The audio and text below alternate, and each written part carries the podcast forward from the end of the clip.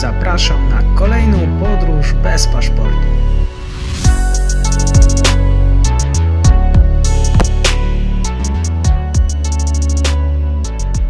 Dzień dobry wszystkim, którzy zdecydowali się spędzić ze mną kolejne kilkadziesiąt minut.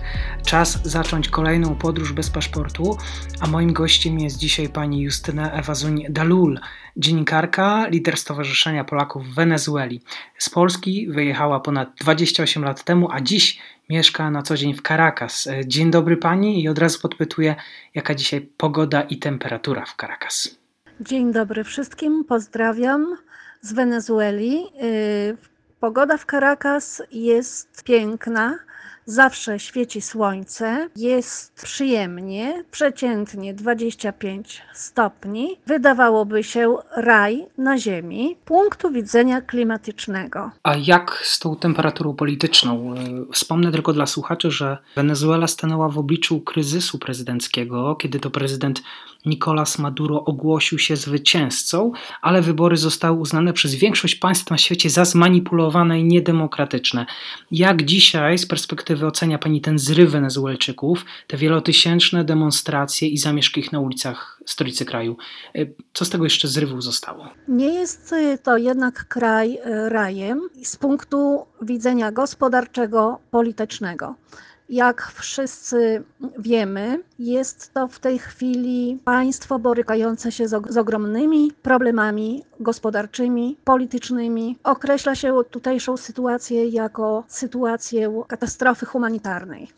Rzeczywiście w maju 2018 roku, czyli dwa lata temu, odbyły się w Wenezueli wybory prezydenckie, w których e, po raz drugi wygrał e, Nicolas Maduro.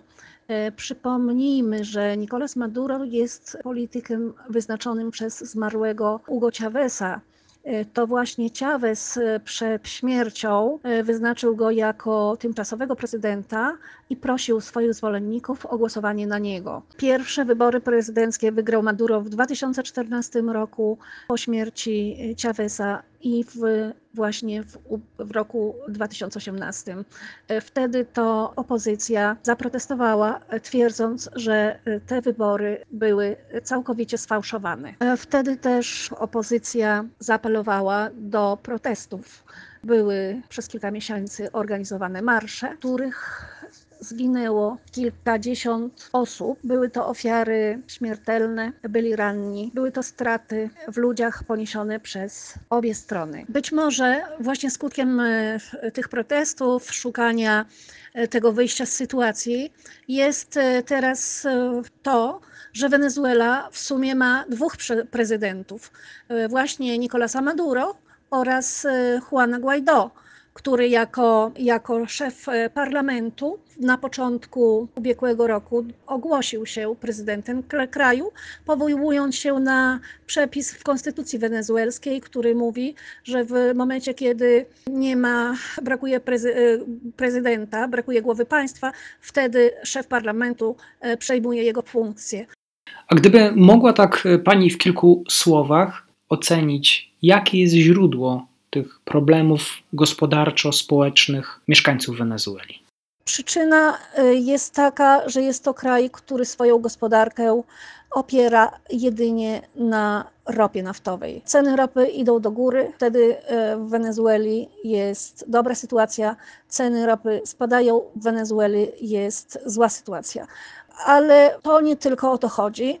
Chodzi o to, że 20 lat temu e, wybory prezydenckie wygrał Hugo Chavez, który dla wielu mm, był nadzieją na to, że mm, zrobi porządek w tym kraju płynącym ropą naftową, ale mimo wszystko wówczas już borykającym się z problemami e, gospodarczymi, z korupcją. Niestety Chavez poszedł w kierunku Kuby, i przez 20 lat w Wenezueli istnieje sytuacja, którą politolodzy nazywają y, socjalizmem XXI wieku. Co ten socjalizm oznacza? Y, brak prądu, brak wody, brak jedzenia, nawet brak ropy naftowej, ponieważ w tej chwili Wenezuela kupuje, importuje ropę naftową z Iranu, płacąc za nią sztabkami złota. Sytuacja bez precedensu, ponieważ w Wenezueli znajdują się największe na świecie złoża ropy naftowej. Kiedyś tutaj był, funkcjonowało takie powiedzenie, że Wenezuela to jest właściwie Wenezuela saudyjska. Co z tej Wenezueli saudyjskiej zostało? Chyba tylko Wenezuela i raczej boliwariańska, ponieważ Hugo Chavez zmienił nazwę tego kraju z Republiki Wenezueli na Boliwariańską Republikę Wenezueli. Wenezuelczycy zostali pozbawieni emerytur. Emerytura w tej chwili wynosi 2 dolary. Natomiast yy, ceny w sklepach, ceny życia, opłaty są o wiele wyższe niż y, w jakimkolwiek kraju świata, w tym Polsce. To tutaj nasuwa mi się takie pytanie: y, skoro jest tak źle, skoro Wenezuela to bankrutujące państwo, to za co żyją zwykli Wenezuelczycy?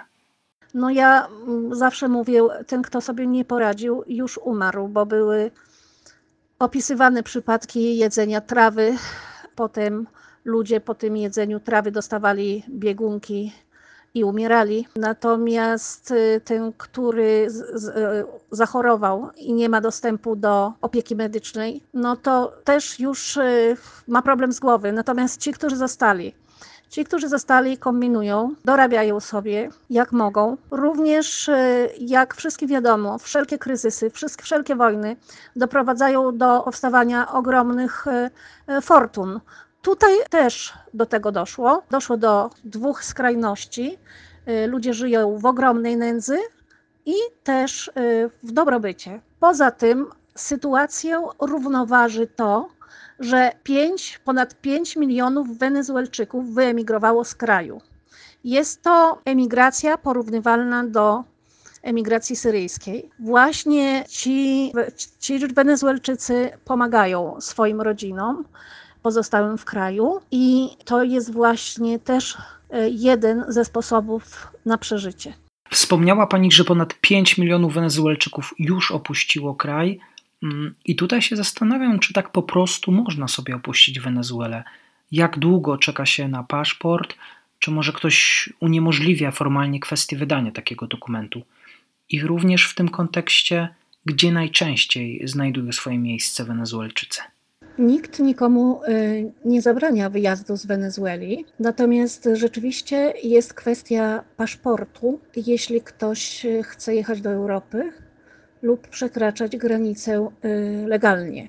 Dlaczego? Dlatego, że jest to kraj tak skorumpowany, że wydziały paszportowe nie wydają tych paszportów nie dlatego, że jest y, to zabronione, tylko po prostu y, wszyscy urzędnicy oczekują na, na zapłatę, na załatwiają te paszporty na lewo. Paszport wenezuelski jako taki jest chyba najdroższym paszportem na świecie, ponieważ oficjalnie kosztuje 200 dolarów. A jego y, ważność jest tylko na 5 lat. Więc na przykład jeśli porównamy z paszportem polskim, który mamy na 10 lat, też y, kwestia tego, tej ceny, że tyle y, kosztuje, a przecież zarobki oficjalne są bardzo niskie. Także paszport wenezuelski jest niezwykle cenny, ponieważ trzeba za, nie, za niego zapłacić i tę cenę oficjalną, i dać łapówkę. Jak sobie radzą ludzie, którzy tych paszportów nie mają? Na przykład kraje Ameryki Łacińskiej, bo wiele milionów Wenezuelczyków, w związku z tym, że nie posiadali paszportu, i nie posiadały środków, nie posiadali środków do, do tego, żeby, żeby kupić jakieś bilety, po prostu przemieszczali się na nogach. E, z Wenezueli przekraczali granice mm, legalnie lub nielegalnie do Kolumbii. Do Kolumbii można przekroczyć granicę e, okazując tylko dowód osobisty. Potem albo zostawali w Kolumbii, albo po prostu szli tysiące i miliony kilometrów. Ich kraje docelowej wędrówki to cały kontynent amerykański, ale przede wszystkim Argentyna, Brazylia, Peru, Ekwador, Chile, tam, gdzie tylko można dostać się e, na nogach. Też e, emigrują do Urugwaju, e, chociaż z tego co wiem, nie cieszy się tak zbytnią popularnością ten kraj. Był okres, kiedy w Wenezueli w latach 70. bardzo dobrze się działo i wielu Kolumbijczyków, też miliony Kolumbijczyków przyjechało do Wenezueli. Teraz e, ich dzieci, ich wnukowie powracają do Kolumbii. Oprócz tego, że no właśnie in, inne nacje zamieszkujące ten, ten, ten, ten kraj, tę Wenezuelę. Chciałam powiedzieć rdzeni Wenezuelczycy, chociaż chyba tak powiedzieć nie można, bo to w ogóle mieszanka rasowa, mieszanka y, narodowościowa. Były takie kraje w Ameryce Łacińskiej, y, które wzięły pod uwagę to, że ci ludzie wychodzą z Wenezueli w zasadzie bez dokumentów i podjęły decyzję, że będą wpuszczały Wenezuelczyków na podstawie ich dowodów osobistych. Czyli na przykład jeśli spotkamy Wenezuelczyka w Polsce czy w innym kraju w Europie, to znaczy, że to jest ten bogatszy emigrant, który albo miał poparcie e, rodziny, żeby wyjechać, ale miał e, pieniądze na e, paszport, mimo tej, tej, tej, tego całego kryzysu. Myślę, że to jest ciekawa sprawa, właśnie takie rozwarstwienie tego społeczeństwa. Również to widać w tym, kto gdzie pojechał. A czy przy tym całym braku leków, y, braku środków do życia, y, możemy mówić o jakimś braku, ale w kontekście wolności słowa? I czy w jakiś sposób dotyka to Pani? Uświadomił mi Pan, że to też jest bardzo ciekawa sytuacja, ponieważ ta wolność słowa z jednej strony można powiedzieć, że jest bardzo ograniczana, a z drugiej, że istnieje i każdy może mówić, pisać co chce. Dlaczego? Dlaczego tak mówię? Że to są dwa jakieś e, bieguny. Mówię tak dlatego, że znam osoby, które zostały zaaresztowane i przesiedziały w areszcie i czekają na, na, na, na sądy na wyroki, tylko i wyłącznie dlatego, że napisali, napisały na WhatsAppie y, krytykę na przykład jakiegoś urzędnika w ministerstwie, w którym y, pracowali. Znam taki przypadek osobiście. Są dziennikarze, którzy też są uwięzieni, a z drugiej strony w tych mediach społecznościowych w sumie ludzie się nie ograniczają, choć tak jak powiedziałam, właśnie są ludzie uwięzieni za wypowiedzi w mediach społecznościowych. No i tak zwane media y, oficjalne, znaczy mm, oficjalne to może nie, bo oficjalne to znaczy, że, że są y, powiązane z rządem, ale te zawodowe media po prostu rozrastają się jak grzyby po, e, po deszczu i naprawdę widzę, że wcale się nie patyczkują z y, krytykowaniem rządu. W takim razie jak z funkcjonowaniem opozycji w Wenezueli? Czy takowa w ogóle istnieje i na ile może sobie pozwolić? Powiem tak. Ktoś ostatnio napisał artykuł, w którym powiedział, że w Wenezueli są dwie bandy. Jedna rządowa, druga opozycyjna. Obydwu bandom opłaca się funkcjonowanie, a być może jeszcze pokryjomu się ze sobą umawiają i dogadują mogę być zlinczowana za to przytoczenie tego e, artykułu przez zwolenników e, wenezuelskiej opozycji, a lub przez drugą stronę, zwolenników oficjalizmu. No ale coś w tym e, opisie jest. Z jednej strony jest tu taki rząd, który się przez 20 lat z niczego nie wycofuje, nie składa rezygnacji, ja zawsze mówiłam, e, trzeba mieć e, grubą skórę. Przecież my Polacy e, wiemy z naszej historii, że rządy rezygnowały, nasze rządy komunistyczne, po tym jak doszło do wypadków na przykład grudniowych, gdzie zginęło kilkanaście osób, czy w, w Poznaniu. Tutaj y, można wychodzić na ulicę, giną osoby, rząd Maduro nigdy nie zrezygnował.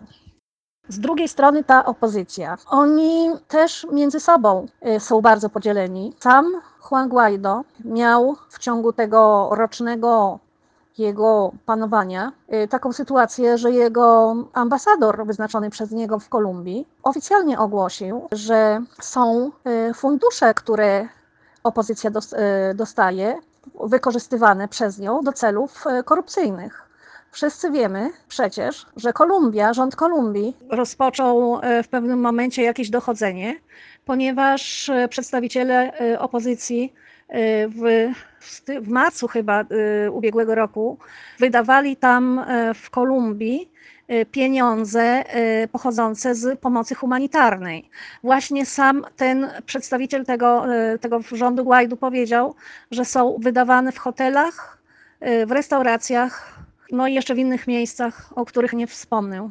To było też omawiane w wenezuelskim parlamencie, w tym parlamencie Guaido, bo też musimy pamiętać, że jest drugi parlament.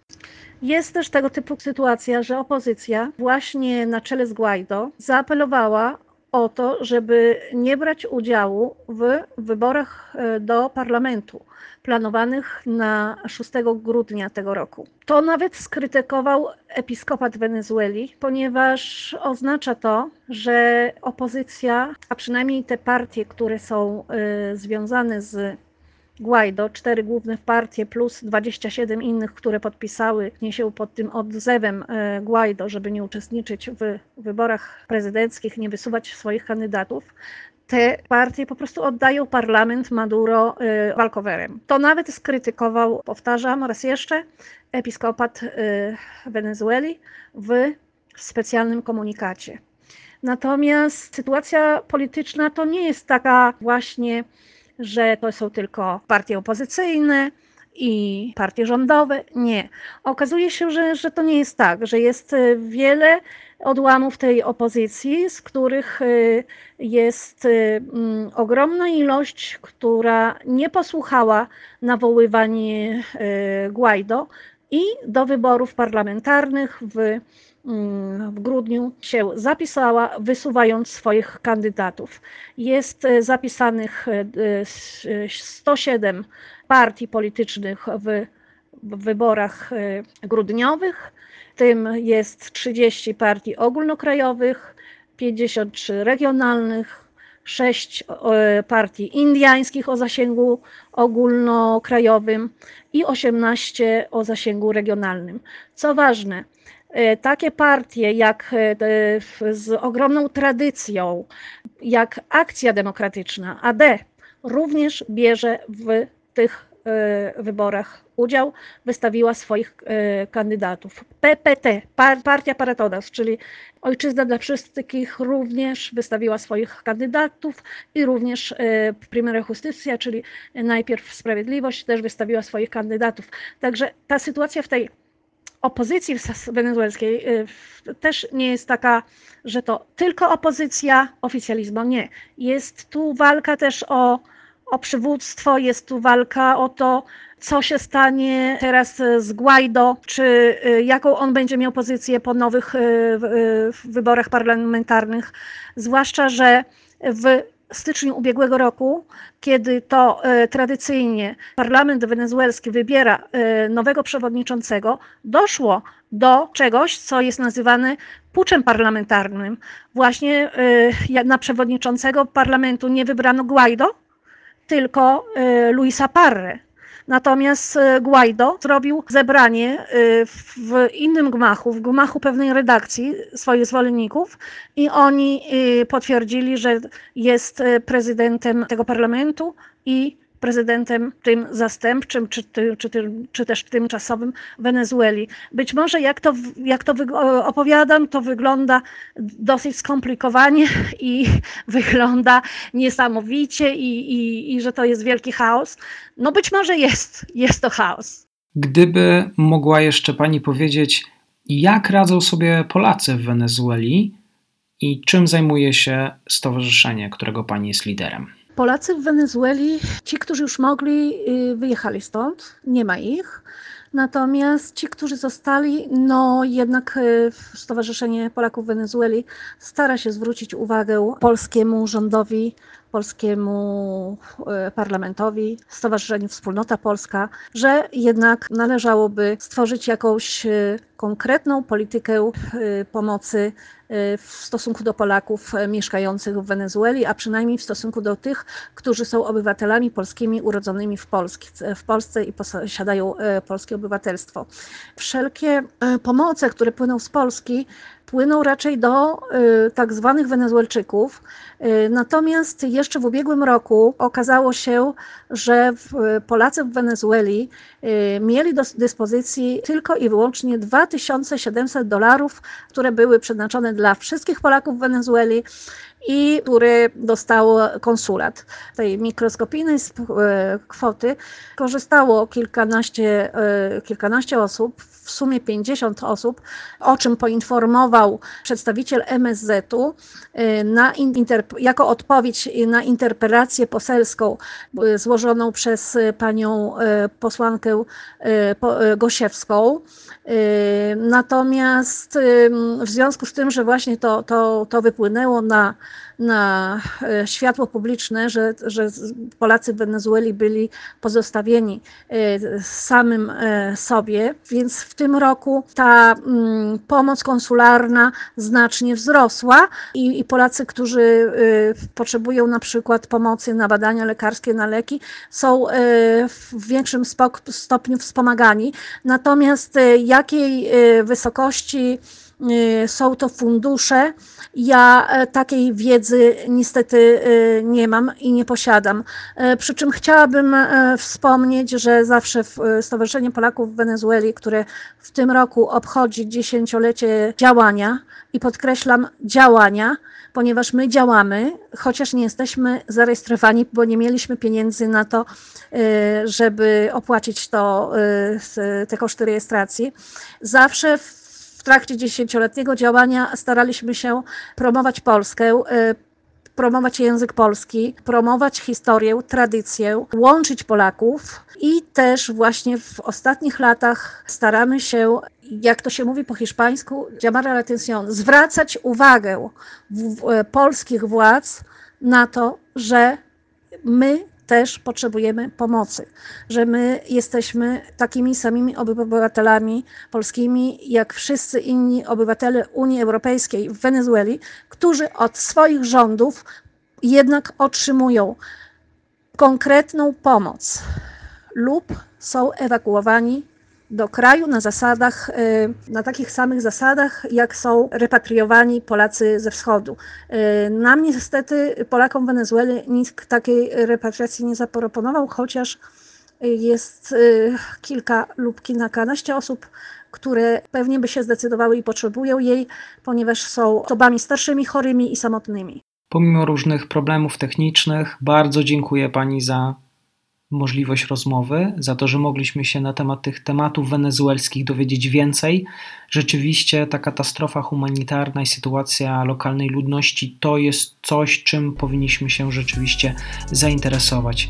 Państwa Stowarzyszeniu życzę powodzenia i mam nadzieję, że do usłyszenia. Ja również dziękuję bardzo i pozdrawiam wszystkich słuchaczy.